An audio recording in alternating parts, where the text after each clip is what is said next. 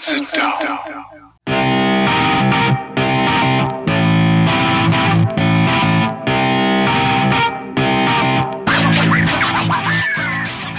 Witam wszystkich i każdego z osobna. Ja jestem Robert Kochan, a to jest Kochana NBA, najbardziej nieobiektywny podcast o najlepszej koszykarskiej lidze świata. To już 82 odcinek, a razem ze mną, jak zwykle, jest tutaj Wiaro. Siema Wiaro, co tam u ciebie słychać w ten piąteczek? Siema Robert, cześć wszystkim. A bardzo przyjemny piąteczek u mnie. Taki trochę y, dzień zwany w Polsce y, potocznie Matki Boskiej Pieniężnej dla mnie, więc to jest y, no, zawsze miły dzień w miesiącu. Także bardzo fajnie, chociaż no wiesz, no dla mnie to, to, to, to takie prawdziwe Matki Boskiej Pieniężnej to się robi w NBA i tam się już niektórym zbliża. Sezon się powolutku kończy i będziemy pewnie myśleć o tym, o tych dużych kontraktach, które czekają niektórych zawodników. E, no ale tymczasem jesteśmy jeszcze w pełnej playoffowej e, walce tutaj, także czekam na Twoje z niecierpliwością, na Twoje wnioski po tych ostatnich meczach. No wiesz co, właśnie tak mi się zdawało, że słyszałem dzisiaj rano jakieś takie ding, ding, ding, ding, ding, odgłos przelewających się pieniędzy gdzieś tam po drugiej stronie Krakowa, to pewnie u ciebie. No te, te, te wypłaty nadchodzą. Mówisz, że w przyszłości będą, one już teraz się zaczynają. Zresztą właśnie przeczytałem bodajże wczoraj, że Robert Covington podpisał e, dwuletni kontrakt z Clippers na 25 baniek, więc już pierwsze właśnie kon kontrakty spływają. Jestem bardzo zadowolony w ogóle z tego podpisu, bo, bo uważam, że Roko będzie fajnym e, wzmocnieniem naszego zespołu. No ale na pewno na to jeszcze przyjdzie czas, jeszcze będzie, będzie można o tym pogadać, e, zwłaszcza kiedy te emocje związane z playoffami już gdzieś tam dobiegną końca, kiedy zostanie wyłoniony tegoroczny mistrz. No ale póki e, to się nie stanie, to właśnie pogadajmy o tym, co najciekawsze, czyli właśnie o, o tych playoffach, które no, no w pełni, nie? Półfinały konferencji, właśnie jesteśmy po, po, po drugich meczach no są moim zdaniem e, super fajne i super ciekawe i w wielu aspektach bardzo zacięte. No, chciałbym zacząć z Tobą może od y, tych serii, którym e, ostatnio poświęciliśmy albo mniej, albo zupełnie nie poświęciliśmy im czasu. Więc chciałbym, żebyśmy od nich dzisiaj zaczęli, żebyśmy im poświęcili właśnie e, swoją uwagę na samym początku. I myślę, że moglibyśmy zacząć od tej, która akurat teraz jest zakończona wynikiem remisowym, tak, na ten moment, czyli chodzi mi tutaj o serię Grizzlies Warriors, gdzie jest 1-1 i chciałbym ją zacząć może taką parafrazą e, cytatu z jednego kawałka. E, wybaczcie to, co za chwilę usłyszycie, ale, ale spróbuję to zrobić. No więc e, moja matka i tatka i dziadek i babka tak zawsze mówili mi, że bardzo doceniają Moranta grania styl. To, to pierwsze słowa e, oczywiście lekko zmienionej piosenki Jay jest prezydentem, e, no bo zdecydowanie jest i, i, pokazuje to w tej serii jak najbardziej. W tym pierwszym meczu troszkę, troszkę brakło jednak mimo wszystko nie udało się jej zakończyć, tak? Ja tam w ostatnich sekundach próbował tego layupu, spudłował, tam jeszcze Clay Thompson na tym wszystkim chyba troszkę e, swoją łapę położył, e, z czego był pewnie bardzo zadowolony po tych chybionych dwóch rzutach osobistych w samej końcówce. Zresztą potem e, mocno pomstował i przeklinał właśnie te, te, te, te osobiste. No i właśnie, Warriors udało się wyrwać tamten mecz e, i to jeszcze bez Draymonda Greena, który jakby został wyłączony po e, brutalnym faulu na, na Brandonie Clarku, gdzie tam najpierw jedną ręką uderzył go w twarz, a drugą złapał za koszulkę i ściągnął jakby bez pardonu na parkiet. Wyleciał z boiska. Wiele osób uważa, że niesłusznie, gdzieś tam bardzo duża była dyskusja na, na, na ten temat w NBA. Ja e, również. Ty też uważasz, że niesłusznie? No moim zdaniem słusznie. Moim zdaniem e, jak najbardziej słusznie e, mógł tutaj spowodować poważną kontuzję u Brandona Clarka. Na szczęście skończyło się to bez konsekwencji, ale jak to się mogło skończyć, to, to, to mogliśmy zobaczyć w drugim meczu, gdzie z kolei role się odwróciły i Dylan Brooks sfaulował Garego Paytona drugiego, czyli młodą rękawiczkę właśnie podczas takiego fast breaka, e, wpadł na niego, jeszcze uderzył go w głowę na, na, na pełnej prędkości, no i właśnie um, Gary Payton drugi nieszczęśliwie upadł i, i złamał sobie rękę e, w lewym łokciu i czeka go teraz miesiąc, e, miesiąc pauzy i nie będzie mógł występować w Warriors, którzy akurat bardzo go potrzebują, bo to ich najlepszy obrońca na obwodzie i gość, który teraz w tej serii E, miał kryć e, Jamoranta i utrudniać mu jakby mm, grę, a w kolejnej serii, w przypadku awansu, miał się zająć Chrisem Polem, tak? Jeżeli Phoenix też e, uda się do, do tych finałów konferencji przejść, więc bardzo duża strata. No pewnie za chwilkę troszkę, troszkę w większych szczegółach um, o tym porozmawiamy. Natomiast dla mnie to jest właśnie taka troszkę dziwna seria, taka seria, e, gdzie tych flagrant fauli jest, jest całkiem sporo, gdzie właśnie to ryzyko kontuzji jest duże, gdzie te drużyny się nie, nie oszczędzają i wydawało mi się, że to będzie taka seria pięknej koszykówki. Z jednej i z drugiej strony są przecież zespoły, które są niesamowicie utalentowane ofensywnie, a jakoś tak, tak do końca tego nie widzę. No, jest, jest ta seria zacięta, jest interesująca na pewno, ale powiem Ci, że chyba jednak troszkę poniżej moich oczekiwań. O, no to ciekawe, powiem Ci. No ja mam tutaj dużo spostrzeżeń, jest tutaj kilka wątków, do których chciałbym wrócić, które poruszyłeś, e, ale może zacznij, zacznę właśnie od tego takiego ogólnego obrazu, jak, jak mi ta seria się podoba. No ja jestem zachwycony, mnie się to ogląda fantastycznie. Mm, wiesz, ja nie pamiętam, kiedy my ostatnio w playoffach oglądaliśmy piękną koszykówkę. Piękną koszykówkę w playoffach to się ogląda, jak jedna drużyna deklasuje drugą drużynę. To, mm, no nie wiem, jak Golden State z Kevinem Durantem grało, to mieliśmy kilka, kilka pokazów pięknej koszykówki w playoffach, ale playoffy właśnie tym się charakteryzują, że jest twarda walka, że jest y, ostra defensywa, że nie rzuca się tak łatwo, że ci roleplayerzy, którzy do tej pory mieli dużo miejsca i dużo czasu na oddawanie rzutów i, i, i ustawienie się do pozycji, grając mm, jakby mm, obok swoich gwiazd, tak, posiłkując się tym, że, że gwiazdy ich, ich zespołów ściągają na siebie większą część obrony i większą część generalnie y, drużyny przeciwnej. W playoffach to nie działa, w playoffach jest inaczej, w playoffach się kryje dużo, dużo, dużo ostrzej, no i każdy no po prostu no, na intensywność grania wskakuje na wyższy poziom. Więc ja się nie dziwię, że tutaj pięknej koszykówki nie oglądamy. Ja się nie dziwię, że tutaj oglądamy takie mecze walki. To już zresztą nie, nie jedyna seria, w której to tak wygląda. Można powiedzieć, że większość serii playoffowych w tym roku mamy takie naprawdę zacięte mecze. Tak jak mówisz, właśnie takiej pięknej koszykówki, to oglądamy stosunkowo mało. Oglądamy dużo takiej koszykówki, jaką ty lubisz.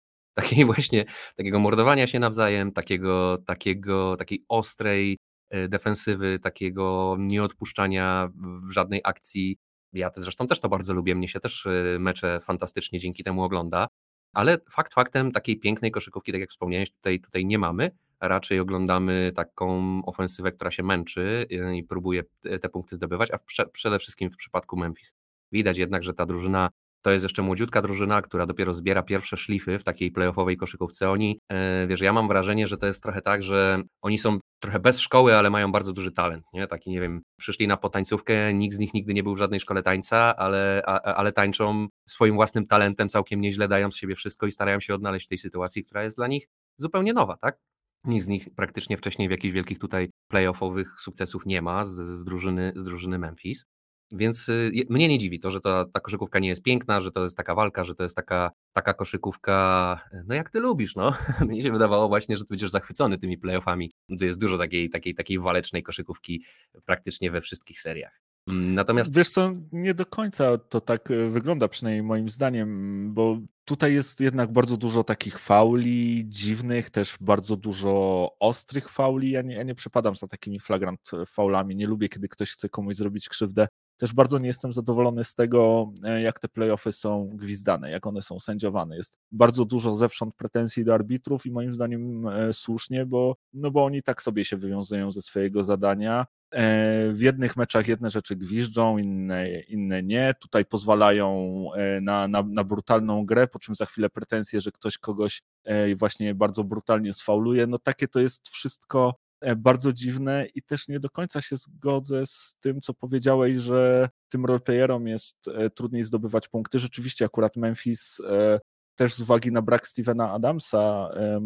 postanowiło wybrać tę bardziej defensywną wersję składu z Xavierem Tillmanem jakby w pierwszej piątce na centrze. I, I, raczej stwierdzili, że spróbują tutaj zamurować drogę do własnego kosza. No rzeczywiście tacy gracze jak Desmond Bain przynajmniej mnie póki co rozczarowują. No ale na przykład e, w Golden State jest Jordan Poole, który no, sobie jakby nic e, nie robi z tego, że są playoffy i punktuje na zawołanie. I tak jak punktował e, w serii z Denver, tak, tak teraz tutaj przeciwko Grizzlies też w zasadzie no, poczyna sobie bardzo, bardzo śmiało. Dobra, dobra, ale to jest jeden taki gość. To Jordan Poole jest wyjątkiem, jakby nie było w tym. Ja mówię tak, o takiej ogólnej wizji, jak te playoffy wyglądają, nie tylko o tej serii, ale o tym, jak generalnie to wygląda. I wydaje mi się, że Pool jest ewidentnym wyjątkiem, jeżeli o takie rzeczy chodzi. No, wymień mi kilku innych roleplayerów, którzy mają taki gaz jak Jordan Poole. On sobie ewidentnie zrobił pool party w, tym, w tych playoffach. No bardzo sobie zrobił pool party. No rzeczywiście są tacy roleplayerzy, którzy grają trochę gorzej w tych playoffach, taki James Harden na przykład, bo, bo, on chyba powoli zaczyna wpadać do tego worka. To jest bo, Maxi jeszcze, jak już tutaj jesteśmy przy tym, który też wystrzelił z tych roleplayerów, ale reszta gra albo solid, defensywnie i tak dalej, ale ofensywnie to nie ma tam już jakichś takich wielkich tuzów, moim zdaniem. Nie, no oczywiście wiadomo jest, e, że, że jednak w playoffach się mocniej kryje, tak, można się bardziej przygotować. Utrudnione mają, mają zadanie zawodnicy ofensywni, e, no bo defensywa jest jakby bardziej na nich przygotowana, tak, plus e, jakby właśnie ta gra jest twardsza, jest ostrzejsza, więc nie zdobywa się e, punktów tak łatwo, to tak, tak, tak rzeczywiście jest. Natomiast no właśnie, są, są gracze, którzy gdzieś tam się z tego wyłamują. Zresztą ja jestem zdziwiony tym, jak e, bardzo e, też tak właśnie mówimy, że, że ta e, playoffowa defensywa, taka twarda i tak dalej, a ja po prostu co mecz jak oglądam, to widzę niesamowitą ilość wide open rzutów, tak? I często się jednak zdarza, że gracze zostają gdzieś tam sami na obwodzie i, i, i po prostu pudłują na potęgę i są drużyny, Playoffy. które wiesz... Presja. Nie zdobywa się punktów tak łatwo, nawet jak stoisz otwarty na trójce. Oj, nie zdobywa się łatwo nawet właśnie jak jesteś open. Przynajmniej tak to, tak to wygląda, no bo no w każdym meczu tych, tych rzutów takich totalnie wide open jest tak dużo, że, że aż nie do wiary, tak? Ja nie myślałem, że, że aż tak ci zawodnicy będą zostawieni bez krycia, no ale są i, i, i pudłują. No ale właśnie, wróćmy może do, tych, do tych też dobrych przykładów. Ja, ja jeszcze tutaj właśnie dwa słowa o tym Jordanie Pulu, bo, bo on w tym pierwszym meczu właśnie Grizzlies przeciwko Warriors, tak jak wspomniałem, 31 punktów, 60% z pola, 50% za 3. E, gość gra niesamowite skuteczności i to graje w całych playoffach, tak? On e, w swoich pierwszych sześciu playoffowych e, meczach robi średnio 23 punkty na mecz ze skutecznością 49% za 3. No, pool party jest niemalże w każdym meczu Golden State Warriors i powiem Ci, że jestem pod ogromnym wrażeniem, bo jasne. Gdzieś tam już na początku sezon, sezonu przewidywałem, że to będzie taki e, fajny i dobry sezon, taki sezon zmiany i progresu dla, dla tego zawodnika, ale nawet w najśmielszych snach wtedy nie spodziewałem się, że to będzie gość, który będzie no, jednym z Twoich najlepszych zawodników ofensywnych w playoffach i to biorąc pod uwagę, że on chyba jakby się nad tym zastanowić i gdzieś tam dokonać takiej gradacji zawodników, no to pewnie jest, nie wiem, piątym najlepszym e, zawodnikiem w Golden State Warriors, biorąc pod uwagę, że Andrew Wiggins w tym sezonie zagrał w pierwszej piątce All-Star. No, jakoś tak to wychodzi. A robi niesamowite po prostu rzeczy, gra naprawdę fantastycznie. No, ma też jedną statystykę, którą, która mi też szczególnie przypadła e, do gustu, to gość robi jeden mem na mecz. Jest, jest a, a, absolutnie memicznym zawodnikiem. Co, co gra, to akurat zawsze y, coś fajnego do internetu z jego udziałem trafia. Czy to spojrzenie na Malikę Andrews, y, czy też, czy też zupełnie coś innego. Więc y, tutaj no, pól fantastyczny. Natomiast no, gwiazdą tej serii jest bez wątpienia Jamorant, tak? 34 no. punkty w pierwszym meczu, 47 w drugim. Ja jest nie do zatrzymania. Nie są w stanie totalnie stanąć mu na drodze, powstrzymać jego rajdów na kosz, nie są w stanie powstrzymać jego layupów, a on ma taki pakiet, jeżeli chodzi właśnie o te layupy.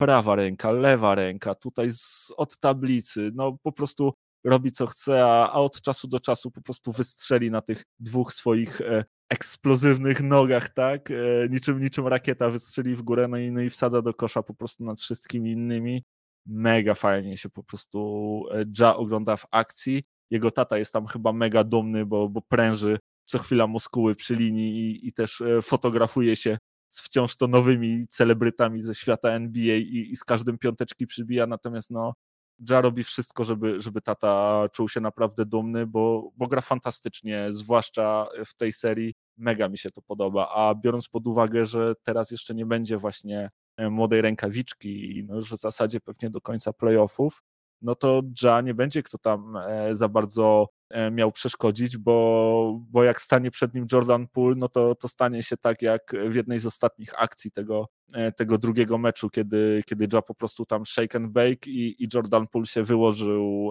na nogach niczym, niczym jakaś taka, nie wiem, mała sarenka, która, która jeszcze nie do końca potrafi chodzić, więc wydaje mi się, że to, to może być raczej trend, że Ja tutaj będzie ostro punktował, że ciężko będzie bardzo Golden State go zatrzymać.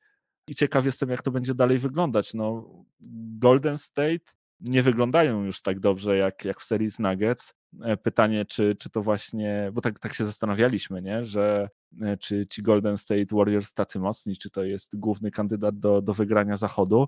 Może się okazać, że tutaj przejście Memphis Grizzlies może, może być dla nich bardzo trudne, no bo oprócz też Jamoranta z bardzo fajnej strony, na przykład w tym pierwszym meczu pokazał się Jaren Jackson Jr., i dla niego też e, ciężko znaleźć obrońcę, który go powstrzyma, bo no on jest wyższy tam zdecydowanie od wszystkich. Też bardzo, y, bardzo fajnie ta jego gra w playoffach wygląda. Zarówno wejścia pod kosz, jak i rzuty z obwodu. E, daje, daje radę Jaren Jackson Jr., no i zwłaszcza właśnie w tym pierwszym meczu. Ja zresztą byłem pewien, że, że Memphis tam e, dowiozą tę wygraną do końca, ale, ale ostatecznie Golden State Warriors e, udało się odbić, a gdyby się nie udało, no to byłoby teraz 2-0 dla Memphis i pewnie inaczej byśmy też e, o tym mówili, ale wygląda na to, że, że to będzie jednak e, długa, długa i fajna seria. Tak to wygląda? No to, to ja to inaczej właśnie widzę. Moim zdaniem doszedłeś do sedna. Memphis jest 1-1, przegrali u siebie, a jeszcze nie daj Boże byłoby 0-2. I niewiele brakło, żeby było 0-2. Mimo tego, jak Memphis gra. E, I mimo tego wszystkiego, co powiedziałeś o Golden State. Więc y, jak dla mnie, to Memphis się oczywiście jakby podpisuje się pod wszystkim, co powiedziałeś na temat Memphis pod tym, jak o, oni świetnie grają, z jakiej strony się tutaj pokazują i pod wszystkim, co powiedziałeś na temat Jamoranta również się podpisuje. I wydaje mi się, że to jest mało. I że to wciąż jest mało i że na, na Golden State, które nie jest w optymalnej swojej formie, jeszcze ewidentnie. Zresztą z Denver też to było widać. Oni są po prostu ewidentnie drużyną od Denver lepszą i tutaj e, no, za dużo tego talentu mieli na Denver i mimo tego, że wcale te końcówki, gdzie, gdzie od, tak naprawdę wyrywali zwycięstwo e, Denver, wcale nie były jakieś takie, że tam wszystko Golden State wychodziło. Też e, wydawało się, że mecz jest do wygrania, wydawało się, że mecz jest do wyjęcia, że, że Golden State nie gra wcale takiej jakiejś niesamowitej koszykówki a kończyło się tym, że jednak, że jednak y, byli mistrzowie, zabierali to zwycięstwo w tych, tych decydujących minutach i jednak to doświadczenie i te, te, wszystkie ryzy, które już zebrali podczas swoich playoffowych tutaj przygód i historii, no, no pokazały, wzięły górę nad, nad tym, co robi Ja. Jednak nie wiem, czy to brak doświadczenia jeszcze, czy, czy, czy, czy to właśnie ta różnica pomiędzy weteranem a młodzikiem, który dopiero próbuje coś ugrać. E, no ale jak dla mnie to Golden State wciąż jest drużyną lepszą i wciąż wydaje mi się, że teraz grają dwa mecze u siebie. No i boję się, boję się, że Memphis nie wyrwie tutaj już nic i że będzie 3-1, jak będą wracać do Memphis. Być może Memphis wtedy wyrwie jeszcze jeden mecz i skończy się ta cała seria 4-2. Tak mi się wydaje, że będzie, takie ja mam prognozy mm, i, i tak to widzę. Ale chciałem jeszcze wrócić do chyba tego, co myślę, że tu bardzo ludzi interesuje, a mianowicie do tych flagrant fauli, które, które się tutaj pojawiły, e, bo widzisz, ja to trochę inaczej widzę. Zgadzam się z jednym, co powiedziałeś. Nie wiem, czy mogę się w ogóle z czymś zgadzać bardziej, a mianowicie sędziowie sędziują do dupy. To jest żenada, co wyprawiają sędziowie w tych playoffach. E, cały sezon zasadniczy był sędziowany w pewien sposób, tak? Był, jakiś trend tego sędziowania, tak? Można się było spodziewać, jak, co jest gwizdane, co nie jest gwizdane i tak dalej, i tak dalej. Zaczęły się playoffy, wszystko to wzięło w łeb. Odwróciło się po prostu zupełnie. I to mało tego, że się odwróciło, to jeszcze nie przyjęło żadnej stabilnej formy w playoffach mecz od meczu jest sędziowany zupełnie inaczej. Nie wiesz, czego się spodziewać, nie wiesz, na co sobie możesz pozwolić, jak grać. No, sędziowie absolutnie tutaj porażka, moim zdaniem.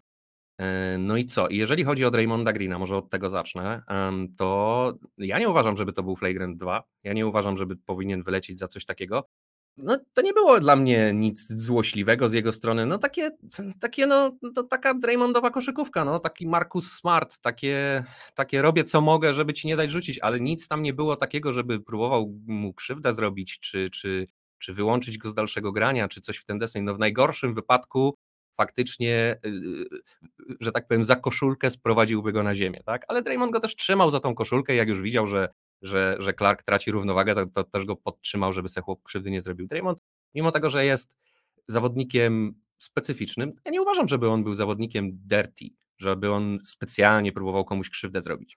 Żeby on na przykład specjalnie kogoś próbował kopnąć w krocze. Nie, to nie, to nie w jego stylu. On nie jest dirty. Myślisz, Musisz też my... pamiętać o tym, że zanim e, doszło do tego pociągnięcia za koszulkę, Draymond Green lewą ręką walnął Brandona Clarka prosto po prostu w twarz. No, Takie... jak walnął. No, nie walnął. Słuchaj, uderzył go, ale są, to jest Ja też zostałem uderzony nieraz w koszykówce, jak byłem pod koszem, bo, bo byłem pod koszem. To, to, to nie jest dla mnie. To... Draymond jest pajacem, tu się z tobą zgodzę, ale nawet jak próbował kopnąć Lebrona w jaja, to wydaje ci się, że próbował go tak kopnąć w jaja, żeby mógł krzywdę zrobić? Wydaje ci się, że naprawdę chciał, żeby, żeby Lebron się zwijał tam? Ale przecież LeBron to nie jest jedyny przykład kopania w krocze przez Draymonda Greena. Ale tam... jakie to jest kop... Wiesz, wiesz o co chodzi? To jest takie coś, jak Chris Paul robi. No to jest takie psztyknąć cię, żeby cię coś tam, wiesz, wybić z równowagi, żeby cię pod, podkurzyć, żeby ci zajść za skórę. Ale nie, żeby ci złamać nogę czy rękę nadgarstek, czy żeby ci kontuzję spowodować na tobie. To Zaza to jest zawodnik, który ewidentnie chciał komuś zrobić krzywdę. Draymond myślę, że do takiego, że, że tej granicy jednak nigdy nie przekroczył. Mimo tego, że balansuje na tej granicy i na pewno wydaje mi się, że on wie, co robi, wydaje mi się, że on jest bardziej skalkulowany w tym wszystkim i tak dalej. Zdecydowanie więcej mam pretensji do Brooksa, który mimo tego, że to też nie jest dla mnie faul, który znaczy, to jest dziwna sytuacja. Za każdym razem, kiedy ktoś kogoś próbuje w twarz uderzyć zamiast w piłkę, no to to jest hamstwo zwykłe, tak? E, więc za to sam, stricte za to powinien wylecieć z boiska, ale za samo to jakby ściągnięcie młodej rękawiczki z powietrza, no, no powinien po prostu wiedzieć, że jak gość jest w powietrzu, to się powinno takich rzeczy nie robić, nie? Wiesz co, to jest jedno. Druga rzecz, że to był po prostu atak z zaskoczenia, z za pleców, tak? Tutaj jakby Gary Payton nie miał najmniejszych możliwości, żeby w jakiś sposób na to zareagować żeby Zgoda. to zobaczyć, czy się przed tym obronić. On po prostu e, nagle został uderzony, poleciał siłą bez władu na parkiet, no i właśnie oparł się nieszczęśliwie na tej swojej jednej ręce. I ja tak samo ci powiem, jak ty mówisz o, o, o Draymondzie, no e, wiesz, Dylan Brooks to też, też nie jest gość, który ma historię jakichś takich brudnych e, zagrań Zgoda. czy coś mhm. takiego. To nie jest gość, o którym można powiedzieć, że jest dirty player, ale być może następnym razem, kiedy coś takiego się już zdarzy, to będzie już można powiedzieć o tym, że to jest dirty player, nie? Że to jest tak, że no, nigdy no, nie jesteś dirty reputację. player, dopóki, dopóki właśnie sobie nie zbudujesz reputacji. Okej, okay, może Draymond rzeczywiście nie jest znany z tego, że tam może, może jest tak właśnie, jak ty mówisz, że on jest bardziej idiotą niż, yy, niż niebezpiecznym hamem, tak? E, o czym wskazywałoby na przykład to, że tam, nie wiem, publikował swoje genitalia na Snapchacie, po czym, e, po, po czym się tłumaczył, że mu zhakowali konto. No ale właśnie, e, może to tak jest. No ja Brooksa też bym nie, przynajmniej póki co, nie oskarżał o to, że jest jakimś szczególnie dirty gościem, tak? On też jest takim zaciekłym bardzo obrońcą, on też lubi jakby grać twardo, ale wydaje mi się, że to, to miał być po prostu hard foul, który miał powstrzymać layup e, i sam sobie troszkę Dylan Brooks nie zdawał sprawy z tego, co, co robi i, i myślę, że dopiero to potem do niego dotarło. Natomiast e, w niczym to nie znosi moim zdaniem odpowiedzialności. Zresztą ja jestem za tym, żeby wprowadzić taką regułę, że jeżeli twój e, taki bardzo ostry foul w stylu flagrant to foul doprowadzi do długiej kontuzji zawodnika, którego sfaulowałeś, to twoja kara powinna być taka, że, że powinieneś pauzować, dopóki ten zawodnik nie wróci jakby do gry. Że... To ja aż tak ostry nie jestem, ale zgadzam się z tobą, jeżeli chodzi o to, że faktycznie Brooks pracuje sobie dopiero na taką opinię i ja też nie uważam, że on chciał zrobić krzywdę, też uważam, że to po prostu miał być hard foul, który miał coś powiedzieć, dać jakiś przekaz nieść za sobą dla drużyny przeciwnej, tak? No ale niestety trzeba też się liczyć z tym, że jak próbujesz gościa ściągnąć z powietrza, no to może niefortunnie upaść, Chociaż też ciekawostka, że wielu zawodników NBA mówi, że młoda rękawiczka powinien nauczyć się lepiej upadać, bo też dwie rzeczy mogą być prawdą w tym samym momencie, tak? Można mieć pretensje do Brooksa i też można, jakby nie było powiedzieć młodej rękawiczce, że na upadanie na łokieć y, mądre nie jest, jakby nie było w koszykówce będziesz upadał, to jest taki sport, w którym nawet bez faulowania prędzej czy później wylądujesz na parkiecie, warto pamiętać o tych zasadach bezpiecznego upadania, jak to robić, żeby właśnie sobie ręki nie złamać. Nie? Ale on nie upadł na łokieć. On zrobił zupełnie jakby naturalną rzecz. To znaczy próbował się asekurować rękami, żeby, żeby, żeby po prostu nie, nie upaść e, całym ciężarem ciała, ciała na parkiet i właśnie wsparł się jakby na, na dłoniach i wtedy tam bodajże jeśli się nie mylę, ten, ten łokieć nie wytrzymał. No, więc, tak, e, ale więc to nie to... było takie typowe upadnięcie na łokieć. No, myślę, że każdy z nas gdzieś tam, jak, jak upada, to próbuje się rękami ratować. Ja też pamiętam, jak wychodząc od ciebie z jednego z podcastów, wywinąłem orła na lodzie jeszcze z całym sprzętem. Też, też uwierz mi, próbowałem tymi rękami ratować się jak szalony, żeby po prostu nie polecieć głową, wiesz, potylicą. E, słuchaj, słuchaj to jest jedno, ale jest, są też zasady bezpiecznego upadania, no bo choćby w sztukach, w sportach walki cię tego uczą, że jak, to, jak amortyzować w pewien sposób upadek, tak? Jak lecisz na głowę, to jak nie upaść na głowę, jak lecisz na ręce, to jak nie złamać nadgarstka i tak dalej, i tak dalej, więc e, pad siatkarski też jest pewnego rodzaju formą uczenia cię, jak upadać, żeby sobie krzywdy nie zrobić, tak? Więc y, to też y, jest coś, co, na co, na co no, wielu zawodników byłych NBA zwraca uwagę. Szak, Czak y, czy, czy inni, więc też ciekawa jakby rzecz. Ja się tutaj nie upieram oczywiście przy tym, że to jest jakaś wina Peytona, absolutnie nie, tylko zwracam uwagę, że też jest jakby taki ciekawy aspekt całej tej sytuacji. Jasne, kumam to. Ja powiem Ci, że bardzo, bardzo jest mi żal e, Garego e, młodego.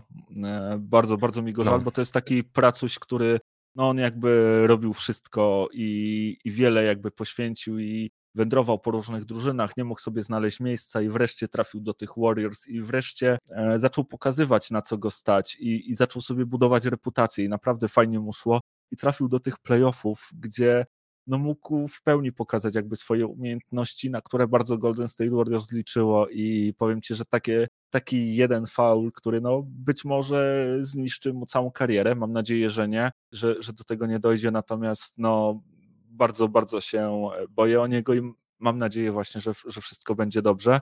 E, zresztą wiesz, tych, tych pretensji do Dylona Brooksa, no to one zewsząd gdzieś tam e, schodziły. Zresztą nawet e, Steve Kerr się w wywiadzie pomeczowym też, też na ten temat wypowiadał, no i, i mówił, że, że Brooks tutaj złamał troszkę takie, takie niepisane prawo NBA, że, że nie atakuje się zawodnika, który jest w powietrzu w ten sposób, żeby mu właśnie zrobić krzywdę. Nazwał zresztą to zagranie takim dirty, brudnym e, zagraniem. Powiedział, że on nie wnika w to, czy, czy ono było intencjonalne, czy nie, natomiast zdecydowanie to był brudny faul, nieczyste zagranie. I, i będą musieli się jakby mierzyć z konsekwencjami, tak? Będą musieli grać bez, e, bez Garego Paytona już na pewno do końca, do końca playoffów w tym roku wracając jeszcze gdzieś tam do Draymonda Greena, bo on też miał w tym drugim meczu taki no, zabawny, niezabawny incydent, kiedy, kiedy mu tam rozkwasili buzię też i, i zakrwawiony schodził do szatni. E, publiczność e, oczywiście dała mu e, znać, co, co o nim myśli. Na no, Draymond Green właśnie, jak już wspominaliśmy, że on tam pod tą kopułką to za dużo nie ma, e, radośnie wystawił im e, dwa palce, środkowe, nie wiem, czy tam wskazywał pod kopułę hali, czy na, na, na pewno chciał zagrać na nerwach kibicom. Mówił zresztą, że, że już jak to robił, to wiedział, że, że posypią się kary na niego, no i rzeczywiście e, tych kar nie uniknie. Wrócił w każdym razie potem, potem jeszcze na parkiet i, no i, i, i był starym, e, niedobrym Draymondem, tak, Mr. Triple Single, jak to, jak, jak, jak, jak to go nazywają. Natomiast jeszcze e, szybciutko na koniec, bo, bo już chciałbym jakby kończyć z tą serią, e, chciałbym jeszcze zwrócić uwagę na to, na to, co ty mówiłeś, że Golden State, starzy mistrzowie, że te końcówki i tak dalej, no to ja ci powiem, że ja mam wrażenie, że, e, że w tej serii to, to oni nie wyglądają mi na takich starych mistrzów. Ja Ale wygrywają. Nie widzę, nie widzę tego do końca. Wiesz co, wygrali jeden mecz i to wygrali go troszkę, można powiedzieć, fuksem, nie fuksem. I bo tak mogli zawalić, wygrywają. I drugi bo też mogli tym fuksem wygrać. Bo mogli zawalić końcówkę, a w drugim meczu właśnie tę końcówkę zawalili. Bo w ciągu ostatnich e, trzech minut meczu Memphis wygrało te ostatnie trzy minuty 13 do 4. Tam jeszcze na trzy minuty przed końcem e, tych zawodów Golden State Warriors prowadziło nawet e, z Memphis Grizzlies a potem po prostu nie byli w stanie nic zrobić, a Ja seryjnie, seryjnie po prostu zdobywał punkty. No i mówię, Przegrali. 13, 13 do 4 e, I wygrało, no, wygr wygrało to Memphis. No okej, okay, ostatni mecz wygrali, ale ledwo, ledwo. Ja wiem, czy ledwo, ledwo. Nie powiedziałbym, że ledwo, ledwo. Bardziej bym powiedział, że ledwo, ledwo Golden State Warriors wygrali ten pierwszy, bo, bo właśnie te, te, te nietrafione osobiste Kleja, potem się tam ok, zrewanżował tą, tą trójką i ten layup Jamoranta też mógł równie dobrze tam wpaść, e, gdyby, gdyby się po tej ręce Kleja Thompsona nie, nie ześliznął, więc ja wcale tutaj nie jestem takim optymistą i dla mnie Golden State Warriors nie wyglądają aż tak dobrze w tej drugiej e, rundzie i troszkę gdzieś tam rewiduję to, co myślałem na ich temat właśnie po tej rundzie pierwszej, gdzie, gdzie zmasakrowali Nuggets.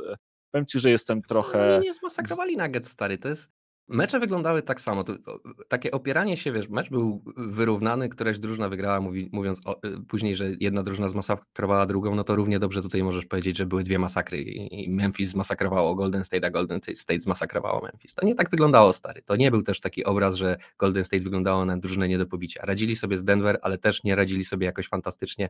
Denver dwa pierwsze mecze po prostu zagrało słabo, a potem już seria była bardzo wyrównana. Równie dobrze Denver mogło tam więcej tych meczy powygrywać, mając tak naprawdę tylko Jokicia w składzie. Więc to jest, dla mnie to wcale nie jest tak, że ja jakoś wielce zrewidowałem moje, moje, moje tutaj patrzenie na tą drużynę. To jest taka sama drużyna jak jeszcze, jak jeszcze przed chwilą. Ona właśnie, tak jak mówisz, ona nie jest idealna, ona jeszcze popełnia błędy. Oni jeszcze mają sporo jakby miejsca, żeby wskoczyć na wyższy bieg. Jasne, no może niefortunnie dobrałem to słowo zmasakrowali, ale to była jakby pewna wygrana, o to mi chodziło. W ogóle słuchaj, śmiesznie, bo przed tym podcastem, jak, jak rozmawialiśmy sobie z Wiarem i zastanawialiśmy się właśnie, jak, jak tutaj spróbujemy o wszystkim porozmawiać, mieliśmy w planach, żeby omówić wszystkie cztery serie. Natomiast jak gdzieś tam zwróciłem uwagę, no zobaczysz, stary, pewnie skończy się tak, że o jednej pogadamy pół godziny, e, a potem nie będziemy mieli czasu już na inne. No i popatrz, wykrakałem 30 minut podcastu, e, minęło, a, a, a my mamy jedną serię w zasadzie. No można by było pewnie jeszcze o niej e, gadać i gadać, ale ja proponuję, żebyśmy przeszli do tej drugiej, której nie omówiliśmy jeszcze w poprzednim tygodniu, czyli do Suns e, versus Mavericks. Tutaj mamy pewne prowadzenie drużyny z Phoenix 2-0. E, wydaje mi się, że zupełnie jakby niezagrożone i okazuje się chyba jaką słabą drużyną jest Utah, bo Mavericks wyglądają przeciwko Suns no, no zupełnie, zupełnie inaczej niż, niż w tej pierwszej rundzie. Tutaj Luka jakby robi co może, bierze jakby całą grę na siebie. Nie wiem, czy to dobrze, czy to źle. Może powinien bardziej gdzieś tam kolegów e, swoich, że tak powiem, wspierać i, i, i czynić lepszymi. Może, może nie da się po prostu samemu wygrać meczu.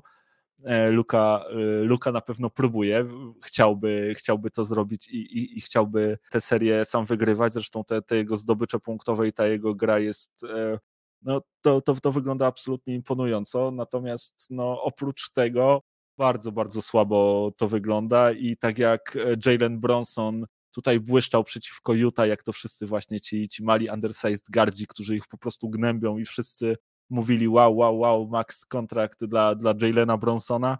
Tak e, po tym, jak, jak trafił na Phoenix, wróciło wszystko do normalności. Możemy zobaczyć w końcu tego gracza przeciwko solidnej, mocnej, dobrze zorganizowanej drużynie, przeciwko dobrze zorganizowanej obronie z dobrymi zawodnikami. No i Bronson w pierwszym meczu 13 punktów, w drugim meczu tylko 9 i okazuje się, że wszyscy ci, którzy gdzieś tam krzyczeli o Maxie, nagle drapią się w głowę no i mówią, aha, aha, okej, okay, czyli, to, czyli to jednak była e, sprawa Utah. Natomiast powiem Ci szczerze, tak e, ogólnie gdzieś tam najpierw, zanim wdamy się w szczegóły i przejdziemy jakby do poszczególnych kwestii, to chciałem Ci powiedzieć, że obserwując tę serię, mam takie wrażenie, jakbym trochę obserwował mecz dwóch drużyn uniwersyteckich ze Stanów, gdzie z jednej strony mamy taką topową drużynę, powiedzmy jakieś takie, nie wiem, Kentucky czy Duke, w której e, jest mnóstwo świetnych zawodników na każdej pozycji. Ta drużyna jest świetnie coachowana, świetnie zorganizowana, ma dużo talentu. A po drugiej stronie mamy taką drużynę, ja wiem, może jakiś taki Division One, czy jakiegoś takiego e, gorszego koledżu, gdzie drużyna jest totalnie fatalna, ale mają jedną fantastyczną gwiazdę, nie? I, i, i tą gwiazdą jest właśnie Luka, który, który próbuje tę te, te swoją drużynę pociągnąć, natomiast e, no poza nim tej jakości jednak e, brakuje i mam wrażenie, że to jest właśnie e, starcie tego typu drużyn i bardzo mi ta seria tego typu pojedynek przypomina. Mnie się ciężko odnieść, bo ja mało koszykówki uniwersyteckiej oglądam, ale tak bym sobie właśnie wyobrażał takie pojedynki. Mm, wydaje mi się, że masz tutaj dużo racji, opieram się tutaj na, na, na Twoich y, doświadczeniach, wierzę, że tak właśnie to wygląda mm, w przypadku takich drużyn, bo jest dokładnie tak, jak mówisz tutaj. E, ja, ja, akurat chyba wiele tutaj do powiedzenia na temat tej serii nie będę miał. Przede wszystkim wyjmować miotły, wołać e, kolesia od Sans Inform, mm, bo tutaj sprawa jest już krótka i prosta raczej. E, natomiast powiem jeszcze tylko na temat Jalena Bronsona, który tak mówi, że wszyscy mu tu wróżyli max kontrakt. No nie wszyscy. Wujek Wiaro od początku przestrzegał, że to jest gość, który gra ponad to, co, co, co tak naprawdę prezentuje, bo gra z Utah. Mm, i żeby się tak jednak w to szaleństwo nie wdawać. E, no i wychodzi na to, że wujek Wiara miał rację w tym przypadku. E, wyszło, wyszło tak jak wyszło i no i okazuje się, że Utah nie jest absolutnie jakimkolwiek miernikiem siły drużyny, wręcz przeciwnie.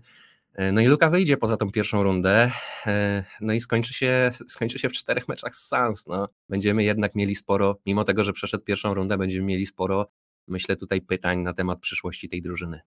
Może tak być. Ja jeszcze troszkę o tej serii chciałbym, chciałbym tutaj pogadać i, jednak poświęcić jej troszkę czasu. Takie moje obserwacje to na przykład to, że e, mam wrażenie, że Phoenix zawsze mają kontrolę i zawsze mają odpowiedź na to, co zrobią Mavericks. Oni szybko jakby wypracowują sobie gdzieś tam przewagę nad zespołem Mavs, a potem cały czas właśnie potrafią znaleźć odpowiednią e, odpowiedź. I tutaj wiesz, Luka zaszaleje, tu zrobi jakąś paczkę, albo jakiś layup, albo rzuci trójkę a w odpowiedzi, nie wiem, Bridges, dwie trójki z rzędu, tak? Luka coś tam znowu szaleje, coś tam próbuje, gdzieś tam odda piłkę na, na obwód, Maxi Kliber rzuci trójkę, wraca w drugą stronę Cam Johnson, dwie trójki pod rząd, tak? Znowu tutaj Luka coś próbuje, coś szaleje, kolej Devina Bookera, bach, bach, dwa punkty i cały czas po prostu na wszystko zawsze znajdują odpowiedź, mają taką jakby pewną rękę, która w ogóle nie drży i wydaje mi się, że czują, że są zespołem jakby lepszym i że mogą tę serię zdominować. I to, co powiedziałeś o tych miotłach, to nie jest zupełnie wykluczone, bo trochę tak to wygląda. Oczywiście zobaczymy, jak, e, co się stanie z tą serią, kiedy e, pojadą do Dallas, tak? Bo teraz, no właśnie, tak jak się mówi, seria się zaczyna, kiedy jedna z drużyn wygra na wyjeździe.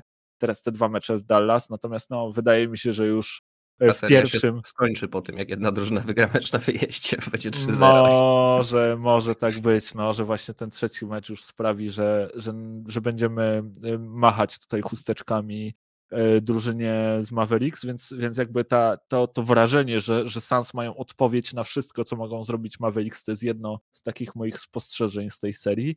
Drugie to jest e, to, jak e, ciekawie to też Monty Williams e, wymyślił. To nie jest nic odkrywczego, tak pewnie wszyscy robią, a przynajmniej mogliby robić, ale to, jak po prostu Phoenix poluje na lukę, jak wiedzą, że to jest jedyny gość, który może im jakby zagrozić, że nikt inny nie jest w stanie ich powstrzymać, więc męczą tego lukę niemiłosiernie. Obijają go, szturchają, a do tego cały czas grają na niego w ataku. E, Luka jest zmuszony po prostu do, do krycia Chrisa Pola na, na obwodzie, do gonienia tu, do gonienia tam. Po prostu próbują go wymęczyć, wyciorać i absolutnie zniszczyć fizycznie. I wydaje mi się, że im e, ta seria będzie dalej trwała, tym Luka będzie bardziej zmęczony i będziemy widzieć jakby regres tych jego fantastycznych e, statystyk, tej, tej, tej jego fantastycznej, jakby indywidualnej gry wydaje mi się, że, że po prostu no, Sans go najzwyczajniej w świecie dojadą, zamęczą e, i, i, i, zniszczą i pod koniec tej serii, no chyba, że ona się rzeczywiście, tak jak mówisz, skończy bardzo szybko, to wtedy Luka może się nie zdąży zmęczyć, ale jeśli potrwa dłużej, to, to będziemy widzieć po prostu coraz słabszego, coraz bardziej dojechanego i, i zmiażdżonego e, Lukę który swoją drogą, nie wiem czy wiesz, ale został liderem e, wszechczasów e, w NBA, jeżeli chodzi o punkty na mecz w playoffach. Dzięki temu swojemu ostatniemu występowi właśnie w drugim meczu, kiedy zdobył 35 punktów, e, robi średnio 33,5 punkta na mecz, czym wyprzedził Michaela Jordana, który robił w ciągu swojej kariery średnio 33,4 punkta na mecz. To jest co prawda wcześniej, jeszcze się wiele jakby może zdarzyć. To jest w ogóle pierwsza, druga runda e, w życiu Luki, więc tych meczy playoffowych pewnie przed nim jeszcze będzie e, sporo. Natomiast no, ciągle dla mnie taka imponująca i, i fajna ciekawostka. Ostatnia rzecz, jakby na którą chciałbym zwrócić e, uwagę i która wydaje mi się już była decydująca i będzie też decydująca do końca tej serii, to są zbiórki bo po prostu to, co robi Phoenix z Dallas na tablicach, to, to jest jakaś, e, to jest masakra, tak? W pierwszym meczu mieli 15 zbiórek więcej, w drugim meczu mieli 9 zbiórek więcej. Po prostu niszczą ich totalnie na, na, na tablicy, zbierają co chcą, nie są w stanie się zupełnie zawodnicy Mavericks przeciwstawić w tym elemencie e, Phoenix Suns. Tutaj jakby świetnie, w ogóle świetnie gra też DeAndre Ayton, to też na to chciałem zwrócić uwagę. Bardzo mi imponuje ten gość w tej serii, jak on się fajnie nauczył te takie floaterki rzucać z okolicy dwóch metrów przed koszem, gdzie po prostu dostaje piłkę, odwraca się, podrzucają to jakby delikatnie, ona wpada do kosza, czyściutko, siateczka, bardzo fajnie to wygląda, widać, że to jest wyuczone zagranie i bardzo fajnie Ejton w tej serii wygląda, no i właśnie to, ta jego gra też się przekłada właśnie na tą dominację e, na tablicach, a jak to mawiał Pat Riley kiedyś, no rebounds, no rings, więc wydaje mi się, że, że właśnie ta, ta przewaga na tablicach sprawi, że, że, że, że łatwo może się udać Sans tę serię właśnie wygrać. No i tak jak Sans zbierają, tak po, po Mavericks już niedługo nie będzie co zbierać.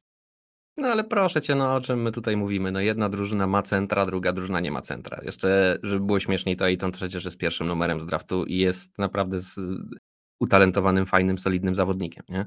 No kto tam ma go kryć albo w ogóle, wiesz, wystawi ręce, jest nad wszystkimi, więc wszystkie piłki tam może wyciągać, a zresztą ilu tam jest takich gości w Phoenix, którzy są po prostu więksi i dłużsi. Yy, także no nie no, to, to deklasacja tutaj jest. Jeszcze jest pan profesor Chris Paul, który w czwartych kwartach sobie po prostu robi wykłady z tego, yy, jak się kiedyś grało w koszykówkę i dlaczego midrange to jest wciąż zabójcza broń yy, i robi Luce po prostu no, krzywdę co, co, co tu więcej powiedzieć na ten temat. Także no, to jest ewidentna deklasacja tutaj, ale nie ma się co dziwić. Dallas jest drużyną słabą. Ja to cały czas powtarzałem, że przecież tam nie ma nikogo oprócz tego Luki. Cała ta zbieranina zawodników, którzy, którzy tworzą ten supporting cast Mavericks, to jest no, poza Jalenem Bronsonem to jest do wymiany, a Bronson też nie jest zawodnikiem, który może być drugą opcją w ataku. Absolutnie, to jest e, sixth man w najlepszym wypadku, tak? Więc tam jest jeszcze dużo, dużo, dużo do budowania. O Luce po, myślę, że będzie trzeba pogadać na poważnie w playoffach, jak on faktycznie będzie miał jakąś drużynę. No bo tak, tak na razie to przeszedł Utah, no i jak widać na poważnej drużynie, którą jest Phoenix Suns, która ma ambicje o to, żeby faktycznie wygrywać mistrza, e, no to ambicje Luki się kończą. Mm, talenty jego, mimo że jest nie do zatrzymania, no to jednak Luka gra tylko po jednej stronie parkietu, a jego drużyna no nie jest w stanie mu pomóc, bo jest po prostu mierna.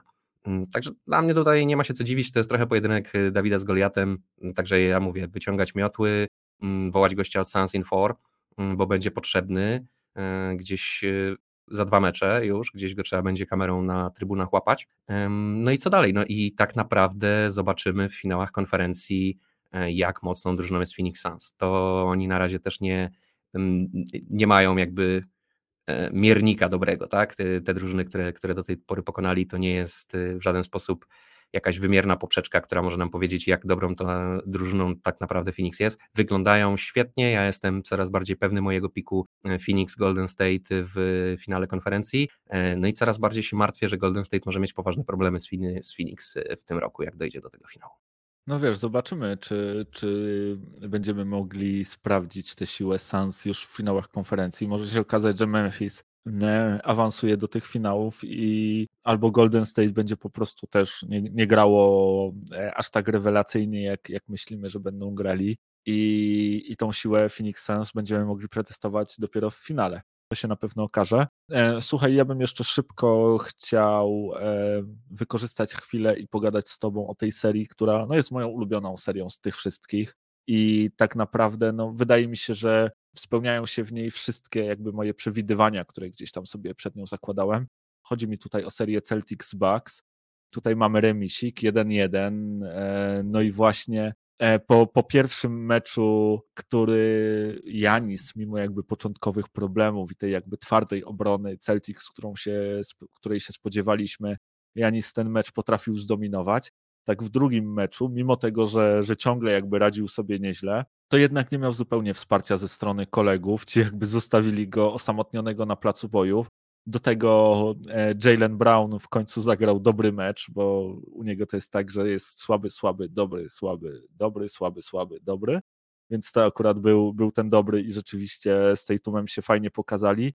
No i tak jak w pierwszym meczu Celtics po prostu pudłowali wszystko e, na potęgę, zaskoczyła ich bardzo ta wysoka obrona podkoszowa e, Bucks z Brookiem Lopezem, Bobim Portisem i Janisem, czyli to, co się spodziewaliśmy. Zresztą tak ich to zaskoczyło, że rzucali z pola z mniejszą skutecznością niż, e, niż za 3, bo tylko 33% z pola, 28 z 84 w pierwszym meczu, a 36% za 3, 18 z 50, zresztą 50 rzutów za 3. Bucks ich tam zostawiali po prostu samych, niekrytych, a Celtics pudłowali, pudłowali, pudłowali, pudłowali i, i wtopili e, ten, ten pierwszy mecz e, no sromotnie można powiedzieć, bo, bo, bo tak to wyglądało. E, Tatum z Brownem razem zrobili 33 punkty, 10 z 31 byli. No w tym drugim meczu to jednak dużo lepiej wyglądało. Tam z kolei Bucks mieli swoje problemy, bo oni tylko 17% za 3, 3 z 18. E, z kolei Celtics już 46%, więc to też nie sądzę, żeby to się miało utrzymać. Myślę, że, że, to, jednak, że to jednak spadnie. E, a Tatum z Brownem no już, już 60 punktów razem e, zrobili, tak? Bucks w ogóle w tym drugim meczu bardzo, bardzo kiepsko w ten mecz weszli. Oni chyba tam zaczęli, jeśli dobrze pamiętam, jeden z 11 chyba byli. Ta przewaga była no już bardzo duża od początku i udało się... Klasyczne otwarcie Jamesa Hardena. Klasyczne, tak, klasyczne otwarcie Jamesa Hardena. W ogóle swoją drogą zabawne jest to, że Celtics zagrali w, tym, e, w tej serii póki co jedną dobrą połowę. I tą jedną dobrą połową udało im się wygrać cały mecz i doprowadzić do tego, że ta seria jest wyrównana 1-1. Bo poza tym wszystkie bodajże połowy, jeśli się nie mylę, pozostałe trzy e, przegrali, więc e, akurat to, że udało im się tutaj zbudować taką dużą przewagę i dzięki tej swojej dobrej obronie dowieść, im, e, dowieść ją do końca, no to, no to rzeczywiście im się, im się powiodło. E, natomiast no, ile jest walki w tej serii, tak? Ile jest e, takiego naprawdę no, nieodstawiania ręki, nie wiem, nogi, niczego. Tyle jest e, tej walki, ile, ile niedokładności, tak? To jest taki po prostu też festiwal turnoverów, że to się po prostu w głowie nie mieści. W pierwszym meczu mieliśmy chyba 31 turnoverów e, w, ca w, całym spotkaniu. Powiem ci, że też się, też się to ciężko ogląda. No tego, tego się troszkę gdzieś tam spodziewałem, ale nawet jeżeli się tego spodziewasz, to, to widząc po prostu te wszystkie straty i strata za stratą i z jednego kosza strata pod drugi kosz strata. No, nie, nie, nie jest to też e, do końca łatwe do oglądania, natomiast no, mimo wszystko póki co ta seria gdzieś tam e, spełnia moje oczekiwania i wydaje mi się, że ona będzie ciekawa i zacięta do samego końca i powiem Ci, że nie jestem w stanie w tym momencie chyba wskazać zwycięzcy tej serii. No wydaje mi się, że jednak Bucks powinni, że jednak Janis wstrząśnie jeszcze tym zespołem i, i, i dowiezie to do końca, natomiast no nie jestem tego wcale i tak na 100% pewien. To widzisz, to ja znowu mam inne postrzeganie tego wszystkiego. Ja mam też taki postulat, że jeżeli mówimy o drużynie, która ma home court advantage i w playoffach jest 1-1, to nie mówmy o tym, że ona wyrównała, tylko nie przegrywa 2-0. E, bo to drużyna, która przyjeżdża, ma wygrać jeden mecz i jeżeli się im uda, to jest sukces. Ty masz nie przegrać dwóch meczy. Jeden już przegrałeś, więc już masz porażkę. E, także Celci mimo wszystko nie są w dobrej sytuacji. Jakby to było 2-0 w tym momencie dla Celtów, to bym był z tobą i widziałbym to dokładnie tak samo. Też miałbym problem z tym, żeby przewidzieć, je, e, gdzie ta seria się skończy, bo jednak spodziewam się tego, że Celci będą mieli duży problem, żeby wygrać na wyjeździe z Milwaukee. Słuchaj, no jednak y, wygrali ten mecz rzucając dwadzieścia kilka trójek, a Milwaukee rzuciło trzy trójki. E, trafiło. Więc a, no to się nie utrzyma, tak? E, w Milwaukee na pewno nie będzie takiej padaki, że y, cały zespół rzuci tylko trzy trójki, na pewno, na pewno będą te trójki rzucać lepiej. No i też nie wiem, czy, tak jak wspomniałeś, można liczyć na to, że Jalen Brown znowu odpali i, i znowu będzie sypał tak e, regularnie trójki, bo to on tak naprawdę napędzał ten mecz. Mm, i to dzięki tej jego dobrej grze e, e, Celci się z, tak dobrej strony pokazali. Natomiast ciekawa rzecz bardzo dla mnie to jest ta obrona Celtów. Zobacz, e, zatrzymali w sumie Milwaukee poniżej 80 punktów, to się bardzo rzadko zdarza, a nie było Markusa Smarta, tak? I się tak zastanawiam, ile ten Markus Smart jest wart w końcu. To jest niby ten Defensive Player of the Year, i czy to jest takie naprawdę zasłużone ten, to miano z jego strony, bo tak jak ci kiedyś wspominałem, ja bardzo go cenię jako taką weszkę, jako takiego zawodnika, który jest y, takim fajnym dodatkiem do twojej obrony, ale zobacz, że on nie jest takim lockdown defenderem, że potrafi zatrzymać zawodnika, którego kryje y, jeden na jeden w każdej sytuacji. Nie, to nie jest taki obrońca w stylu Kawaja. Już nie mówię o tym, żeby on był tak dobry jak Kawaj, ale w stylu jakby Kawaja. Nie? To jest jednak ten obrońca w stylu nawet Draymonda Greena bardziej, czy nie chcę tego mówić Pata Beverly'ego, nie? E, tylko, że oczywiście od Pata to on jest niebotycznie lepszy. To tu, tutaj w ogóle nie ma jakiegokolwiek porównania. Bardziej chodzi mi tylko o ten styl jakby tej obrony. E, I mimo tego, że go brakuje, no, spodziewałbyś się, że jak ci brakuje najlepszego obrońcy w lidze, no to raczej z tą obroną powinno być kiepsko, tak? I powinieneś odczuwać ten brak tego najlepszego obrońcy w lidze po swojej stronie parkietu. No, no chyba, że to y, mam myśleć o tym w taki sposób, że jakby Markus Smart tam grał, to by zatrzymali tych Celtów do 60 punktów. E, Boże, Celtów, Wax. Wiesz co, Mm, to nie jest do końca tak, bo e, tutaj jakby Celtics nie tyle zatrzymali Bucks, oczywiście grali dobrą, zdyscyplinowaną, twardą obronę, co po prostu Bucks troszkę sami siebie zatrzymali tym, że najzwyczajniej w świecie po prostu nie trafiali rzutów. Nie się działo im tego dnia i wydaje mi się, że tutaj czy, czy z Markusem, czy, czy bez Markusa na parkiecie, tak samo by się, by się to, to odbywało, jeżeli, jeżeli po prostu Bucks by nie trafiali. No, na tej samej zasadzie można powiedzieć, że nie wiem, że, e, że Peyton Pritchard jest jednym e, z najlepszych e, ofensywnych zawodników rzucających trójki ever, bo, bo zastąpił Markusa Smarta w pierwszym składzie i Celtics poprawili swoją skuteczność rzutów za 3 o 30%, tak? I rzucali 40, 46% za 3. Więc tego tak nie można do końca powiedzieć. Wiesz, no, Smart jest dobrym obrońcą, jest naprawdę, jest bardzo dobrym obrońcą i lepszym od wiesz, Janisa. Wiesz co, nie, nie jest lepszym e, graczem od Janisa. Rozmawialiśmy już Nie zresztą graczem, o tym obrońcą. Obro... Nie jest lepszym obrońcą od Janisa. Zresztą rozmawialiśmy też e, o tym tytule już dla niego. Ja powiedziałem ci, że ja uważam, że to wynika z tego, że w tym roku nie było jakby jasnego kandydata, e, takiego, który by się wyróżniał do tego, żeby otrzymać tę nagrodę, że, że raczej tych łbów, że tak powiem, było sporo i wszystkie mniej więcej podobnego wzrostu, jeżeli chodzi o te szanse na, na Defensive Player of the Year. I dlatego Markus Smart dostał to po prostu za całokształt, bo może się okazać, że za rok będzie taki zawodnik i, i, i Markus Smart na przykład nigdy już e, nie, dosta, nie zostanie Defensive Player of the Year. Więc wydaje mi się, że to tego typu nagroda. Nie znęcałbym się już tutaj zupełnie e, nad, nad, nad Markusem Smartem. No, na pewno nie jest tak, że Markus Smart zagrał jakiś taki super wybitny sezon w defensywie, bardziej wybitny niż wszystkie swoje pozostałe sezony że zdeklasował pozostałych zawodników i jest jakby anonimus y, wszem i wobec jakby wszyscy się zgadzają, że, że powinien to, to dostać. To na pewno nie jest y, tego typu nagroda, ale wydaje mi się, że ciągle Markus Smart jest świetnym, klasowym obrońcą, jednym z najlepszych w tej lidze, y, zwłaszcza jeżeli chodzi o perimeter defense i gościem, którego wartość super docenia się w przypadku tych zaciętych klacz końcówek. Więc, więc takie jest moje zdanie na ten temat. E, ale słuchaj, jeszcze tak może minutkę e, na, na, na, sam koniec, e, może, może powiesz mi, bo może ty wiesz, bo ja nie mam pojęcia, gdzie jest James Harden, gdzie on się teraz spodziewa, czy, czy on jakby wrócił sobie do, do Atlanty i, i w jednym z klubów jest, bo mam wrażenie, że w tej serii z hit to, to, to go nie widać i jest trochę tak, jak e, śmialiśmy się w tamtym tygodniu e, z tego mema z Homerem Simpsonem, który chowa się w żywopłot. To, to, to właśnie tak się chyba stało z Jamesem Hardenem, nie? No, ja bym go szukał w Atlantic City, względnie w Miami. Las Vegas jeszcze przychodzi mi do głowy. Mm, być może Los Angeles, e, ale chyba marne szanse. No to, to tak bym obstawiał. To są moje główne strzały. No. Na pewno nie ma go w tej serii playoffowej. Na pewno go nie ma w tej serii playoffowej, podobnie jak nie ma Joela Embida, ale to, to z innych powodów. Zresztą my, kiedy rozmawialiśmy tydzień temu, to nie wiedzieliśmy jeszcze o, o tej kontuzji kości oczodołowej e, Embida. To wyszło parę godzin po, po nagraniu przez nas podcastu, już jakby nie, nie mogliśmy nic z tym zrobić, no a bez Embida wydaje mi się, że, że Philly jest tutaj e, skazana na porażkę. Z tego co wiem, to w tym trzecim meczu Embiid ma jeszcze nie zagrać. Jeżeli tak się e, stanie rzeczywiście i Sixers e, przegrają ten, ten trzeci mecz, to już, to już po prostu nie będzie co zbierać i nawet jeśli Embiid wróci, uda im się wygrać jeden czy, czy wyrwać dwa spotkania, to tu będzie maks, co będą w stanie zrobić.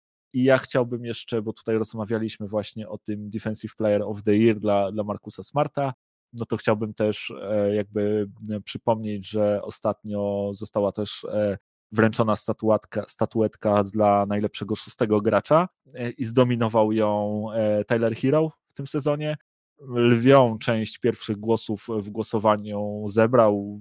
Wydaje mi się, że jakieś 90% e, pierwszych, pierwszych głosów, jeśli nie więcej, Tyler Hero, czyli sprawdziły się gdzieś tam te nasze predykcje z połowy sezonu, przynajmniej w tym, w tym jednym aspekcie. E, I, I, gratulacje dla, dla Tylera Hero, bo jest pierwszym zawodnikiem e, hit z tą nagrodą w całej historii NBA, więc gratulacje Tyler. U, no to faktycznie nie wiedziałem, że to pierwsza. E, jak najbardziej, gratulacje. A powiem Ci, że kolega mi właśnie napisał, że jest w agencji turystycznej i James Harden jest przed nim, zamawia właśnie wycieczkę dla całej drużyny do Cancun, więc chyba go odnaleźliśmy. Raz, dwa, trzy. E, tylko wiesz co, no nie wiem, on chyba będzie musiał wykupić sobie dwie miejscówki, bo, bo, bo nie wiem, czy, czy na jednej się zmieści, to, e, to, to, to, to już nie jest e, waga lekka. No i powiem ci, że tam w Filadelfii to będą mieli teraz e, orzeł, orzech twardy do zgryzienia, bo po ile e, kilo no, Jamesa Hardena? Będą musieli temu Jamesowi pewnie srogo zapłacić, bo nie sądzę, żeby on się schylił po coś mniej niż max, co może zostać.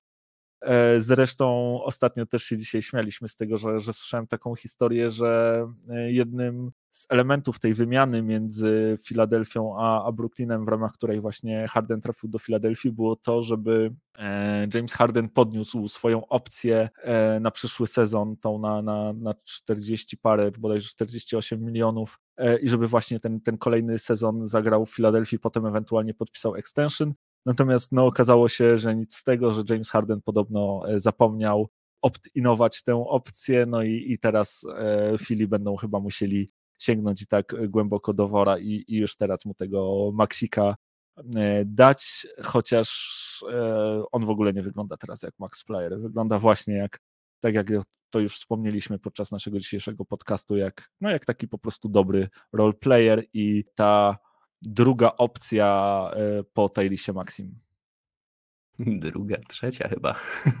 Pierwszą jest Embiid. No, w przypadku braku Embida. A to tak, tak, jak najbardziej. Chociaż nie wiem, czy on się e, na, nawet na tą drugą opcję zaraz będzie nadawał.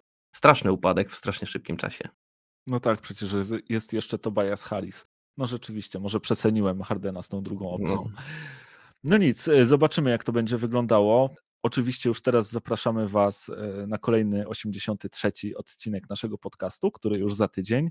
E, na pewno też będziemy wdzięczni, jeżeli będziecie pisać e, do nas w każdej sprawie. Możecie to zrobić bardzo łatwo albo na kontakt małpka.kochanenba.pl albo bezpośrednio na Facebooku. Dzisiaj zresztą otrzymałem od jednego z naszych słuchaczy bardzo fajną wiadomość, w której zachęca nas do tego, żebyśmy zrobili odcinek, gdzie będziemy wręczać nagrody nie dla najlepszych, ale dla najgorszych e, zawodników NBA, czyli taka wiesz. E, Ulala. E, tak. Na, LVP i tak dalej, tak? Tak, tak, tak, dokładnie, dokładnie tak. Naj, e, gracz, który poczynił najmniejsze postępy i tak, i tak dalej, i tak dalej, nie? Czy, czy, czy, więc e, myślę, że, że zrobimy to po prostu już po sezonie, kiedy, kiedy tych tematów będzie troszkę mniej. Natomiast e, bardzo fajny pomysł, więc dziękujemy naszemu słuchaczowi za, za tę wiadomość. Na pewno to wykorzystamy. No i Was też zachęcamy, żebyście e, do nas pisali. Co tylko Wam przyjdzie do głowy, e, dawajcie, dawajcie nam znać. No i co? No i słyszymy się za tydzień, mam, mam nadzieję. Dokładnie, nie bądźcie jak Harden, nie zapominajcie o nas, trzymajcie się cieplutko i do usłyszenia za tydzień. Cześć. Trzymajcie się, hej.